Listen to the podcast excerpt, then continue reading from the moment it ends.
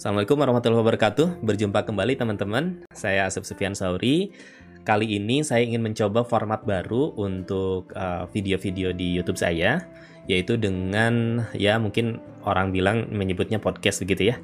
Jadi uh, dengan format podcast harapannya karena saya juga ada beberapa cukup banyak teman gitu ya yang Mudah-mudahan juga bisa sharing di sini terkait banyak hal sebetulnya ya. Mungkin ada yang menyangkut teknis, ada yang menyangkut non teknis dan lain sebagainya. Nah, mudah-mudahan dari obrolan-obrolan ini bisa jadi inspirasi buat kita. Nah, untuk edisi yang pertama ini saya mengundang ataupun mengajak rekan saya ya.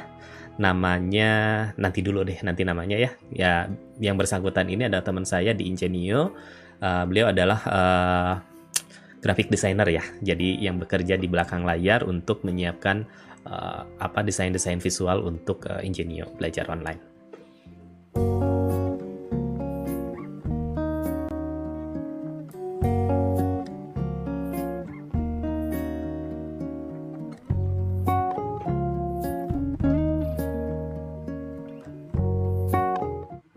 Oke, okay.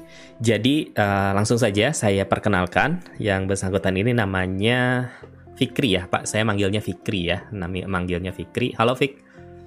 Halo. Apa kabar? Sehat? Alhamdulillah sehat. Oke. Okay. Oh iya, ini saya belum munculin ya. Nah, ini sekalian langsung uh, dimunculkan. Oke, okay, Fikri ini mungkin kenalan dulu deh, Fik namanya siapa gitu ya takutnya saya salah nama lengkapnya apa gitu. Yap.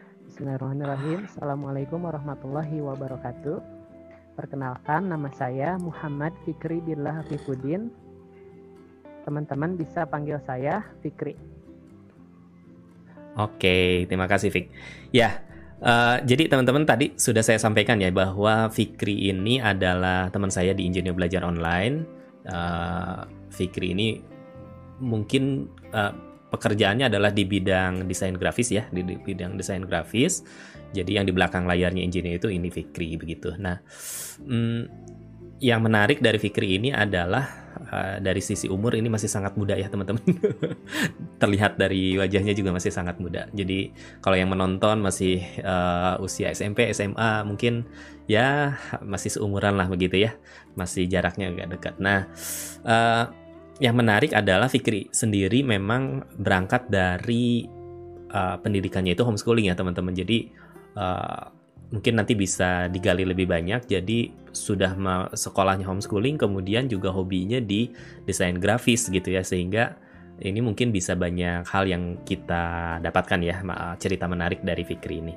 Nah, ya pertanyaan pertama mungkin ke Fikri, Fik, uh, kenapa sih punya hobi ke graphic design gitu ya? Asal mulanya itu kenapa uh, jadi suka ke graphic design terus uh, ya sejak kapan gitu ya kita apa pikir ini menggeluti di bidang uh, desain grafis ini? Uh, mengapanya? Pertama ingin dilihat orang ingin dilihat banyak orang tapi bukan melalui fisik tapi dilihatnya melalui karya hmm. apa yang saya buat apa yang saya bikin iya iya iya ya. jadi lihat karyanya bukan orangnya gitu ya ah iya iya iya asal mulanya dari mana sih punya hobi ini ke graphic design tuh asal mulanya pikir itu sempat iseng scroll scroll uh, di Facebook community nah hmm. kebetulan hmm. di situ ada Facebook Graphic Designer Indonesia hmm. nah di situ saya coba join Nah, di situ uh, ada segi penasaran. Pertama tuh yang saya lihat adalah manipulasi foto. Iya, iya, fotonya yeah. tuh manipulasi. Nah, dari situ saya tertarik. Berarti mulainya dari editing foto malah ya? Iya, dari editing foto. Iya, iya. Uh, meskipun sekarang lebih banyaknya ke ilustrasi saya lihat ya. Atau masih juga nah. editing foto? Masih masih. Masih juga ya? Oke. Berarti berangkat dari sana terus jadi tertarik gitu ya? Uh, akhirnya hmm. jadi hobi dan malah jadi pekerjaan juga gitu ya? Luar biasa. Oke berarti sejak kapan tuh itu? Uh, apa? Mulai gabung ke grupnya Saya, kemudian sampai ya, hari ini? Mungkin kisaran 2014 sepertinya. 2014an ya?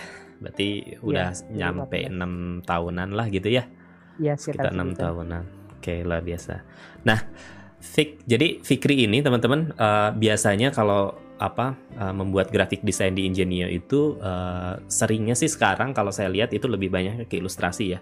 Jadi kalau software mungkin kalau boleh disebut apa Fik uh, yang paling sering disebut eh pak yang sering dipakai Adobe Adobe Illustrator ya. Jadi Sama jadi lebih banyak ke vektor ya.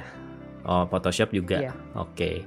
Nah, Nah kalau Fikri sendiri sebenarnya kalau inspirasi ini, misalkan kalau mau bikin uh, desain poster, desain post, paling sederhana mungkin desain Instagram misalkan gitu ya, atau poster atau uh, banyak hal lah gitu ya, itu biasanya dapatnya inspirasinya dari mana? Dari orang kah? Dari grup kah? Atau dari mana gitu? Kalau biasa sih Fikri dari platform Pinterest.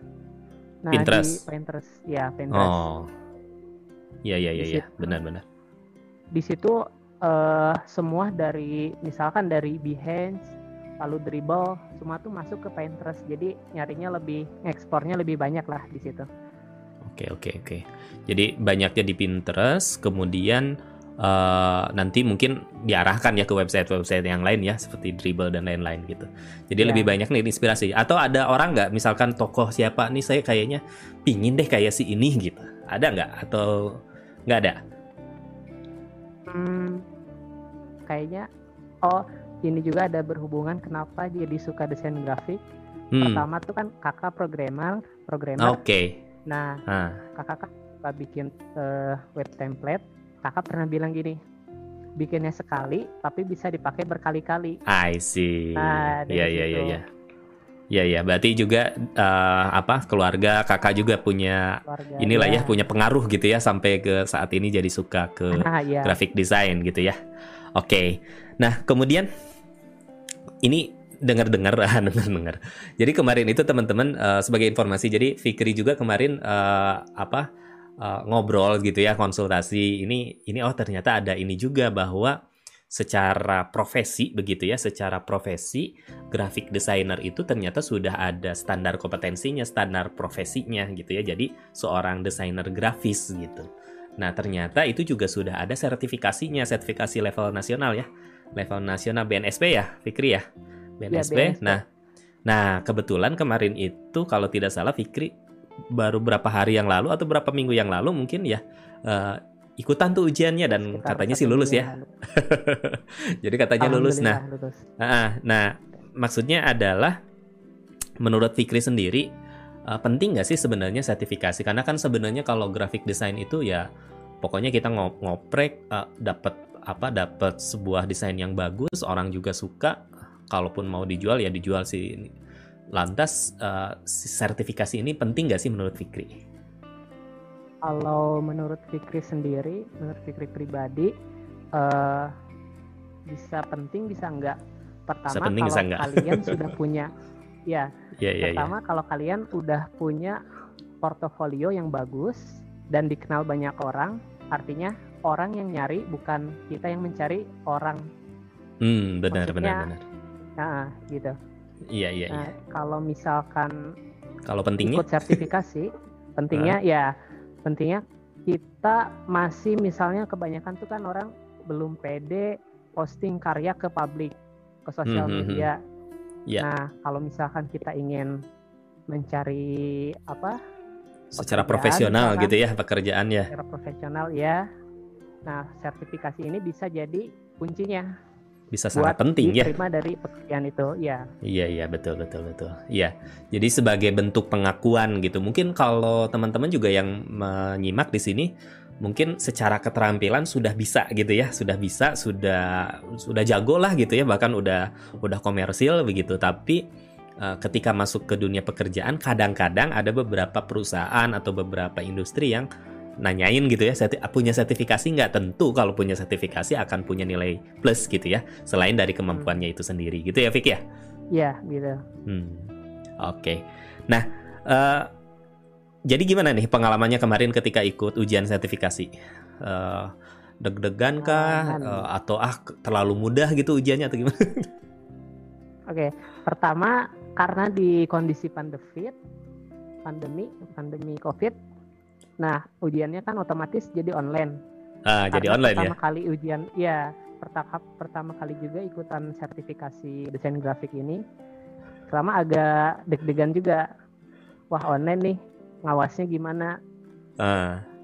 pengalamannya tuh uh, kalian kalau misalkan ikutan ujian sertifikasi di masa pandemi ini, itu hmm. tuh yang ditampilin di uh, waktu itu tuh ditampilinnya bukan apa si layar komputernya. Jadi bukan bidang bukan yang ditampilkan itu bukan wajah. Jadi kita oke oke oke. uh, oh jadi harus nge-screen share. projectnya. Ya screen share oke. okay. jadi sambil ngerjain harus kemudian diawasinya itu adalah laptopnya gitu ya? Nah ya seperti itu. Uh, webcamnya diaktifin juga nggak itu waktu itu? Waktu itu sih enggak yang hmm. diaktifinnya cukup hanya dari si uh, screen dari laptopnya saja atau komputer. Oh, gitu gitu. Berapa lama itu tuh sertifikasinya? Kalau durasinya dari sananya tuh dikasih 4 jam. Oh, 4 jam. Lumayan ya. 4 jam tanpa istirahat itu iya. atau ada jeda jeda? Tanpa istirahat. Tanpa, istirahat. istirahat. Nah, lumayan juga ya. Berarti harus siap minum, siap ya. makanan. boleh nggak tuh sambil minum sambil makan meskipun online? Kayaknya boleh karena kan yang ditampilin cuma layarnya aja. Oh, Oke, okay. iya ya kan masalah. Oke. Okay. Uh, eh, terus memastiin apa yang ngerjainnya bener orang itu gimana itu? Hmm, Menurut Fikri? Kayaknya oh di sana juga kan tidak hanya praktek, ada ujian tulisnya juga. Oke. Okay, Dan ujian berarti... tulisnya juga pasti direkam juga ada hmm. nama kan pastinya. Iya iya iya iya. Berarti ya intinya panitia sudah punya cara memastikan supaya tidak ada joki lah gitu ya. Oke, menarik menarik iya. menarik. Nah, nah ini bocoran aja ya. Tapi mungkin juga siapa tahu nanti teman-teman yang menyimak video ini juga ingin apa? Eh saya juga kayaknya bisa deh jadi apa? tersertifikasi sebagai desainer grafis. Nah, kira-kira bocoran deh uh, apa sih yang diujikan gitu ya pas sertifikasi itu tuh? Men, uh, ya pengalamannya Bicara, yang diuji? Pertama uh, kita harus bikin brief sesuai tema yang diberikan oleh penyelenggara. Oh, Contoh, dikasih waktu... tema kemudian diturunkan ke brief. Iya, Oke, okay, itu satu. brief uh, satu. Lalu yang kedua, setelah brief hmm? bikin poster dari brief yang sudah dibuat dari brief itu oke okay. berarti basisnya ya. project lah gitu ya dari awal sampai akhir project, gitu ya kayaknya ya, ya? betul hmm, oke okay. oke okay. dari tema brief bikin poster terus bikin poster dan satu lagi yang uh, mungkin agak sulit itu adalah membuat logonya kita disuruh ah, membuat logo contoh jadi temanya, sampai ke logo ya iya contoh uh, kemarin tuh temanya festival budaya Mm -hmm. jadi saya harus riset dulu. Lumayan ya. Jadi sampai ke iya, logo ya. Itu risetnya ya, berarti masuk ke dal masuk ke dalam waktu itu juga waktu itu apa waktu juga, ya, ujian juga. Itu. Itulah Wah, kenapa lumayan. agak ini. Agak panjang sebenarnya, ya. kalau bikin logo 4 jam tuh kurang sebenarnya. Enggak, enggak kurang, pasti kurang lah gitu ya. Karena kan risetnya itu yang lama kan pasti kan. Iya. Oke, tapi tapi alhamdulillah ya kayaknya lulus ya. Lulus nggak sih? Alhamdulillah, udah diumumnya sih alhamdulillah kompeten. Okay. Kompeten ya, oke. Okay. Oh iya, yeah. istilahnya kalau BNSP itu kompeten atau tidak kompeten kan gitu ya? Oke, okay. Iya. yeah. itu luar biasa. Ini menarik ya teman-teman. Jadi uh, apa uh, desainer graf uh, desain grafis itu kan biasanya teman-teman itu selama ini mungkin ya otodidak belajarnya terus ya di forum tadi seperti Fikri yang lakukan saja gitu kan buat sesuatu, tapi juga secara profesional mungkin teman-teman juga bisa menyiapkan ini sebagai bahan masuk ke dalam dunia industri yang sebenarnya begitu. Karena mungkin kalau masih di level hobi masih oke okay gitu ya, tapi kalau sudah masuk ke industri uh, banyak industri yang tidak mensyaratkan sih. Ada yang mensyaratkan, ada yang tidak mensyaratkan, tapi kalau punya sertifikasinya tentu tentu itu akan jadi nilai tambah begitu ya, Fik ya. Iya. Iya. Mantap nih Fik, terima kasih nih obrolan ya kita singkat mungkin ini sekitar 15 menit. Uh, terima kasih banyak Fik uh, atas informasinya. Iya. terima kasih. Jadi uh, nanti uh, apa kalau ada info-info sertifikasinya itu di mana dan di uh, ini mungkin nanti Fikri bisa PM ke saya ya. Mungkin nanti saya sertakan di kolom de uh, deskripsi supaya nanti teman-teman yang nonton video ini juga bisa kalau ada info lanjutan gitu ya kira-kira mau ikutan jadi sertifikasi. Oh ya sama satu lagi biayanya itu berapa sih kemarin tuh? Jadi baru keingetan Kalau sekitar biayanya sekitar lah. Sekitar di 250 ribuan. Nah, sekitar segit, sekitar 200 Masih- oke lah, masih masih oke lah ya. Masih ini Jadi teman-teman nabung gitu ya. Jadi misalkan dua bulan lagi, tiga bulan lagi kalau ada teman-teman nabung dulu supaya nanti bisa ikutan sambil bukan cuma nabungnya tapi juga nyiapin tuh tadi tadi udah ada bocorannya tuh dari Fikri. Jadi eh, bisa siapkan dari sekarang. Oke, terima kasih lagi sekali lagi ya Fikri. Eh, Oke, itu aja mungkin teman-teman dari saya di podcast pertama kali ini. Mudah-mudahan bermanfaat. Eh, saya tutup. Wassalamualaikum warahmatullahi wabarakatuh.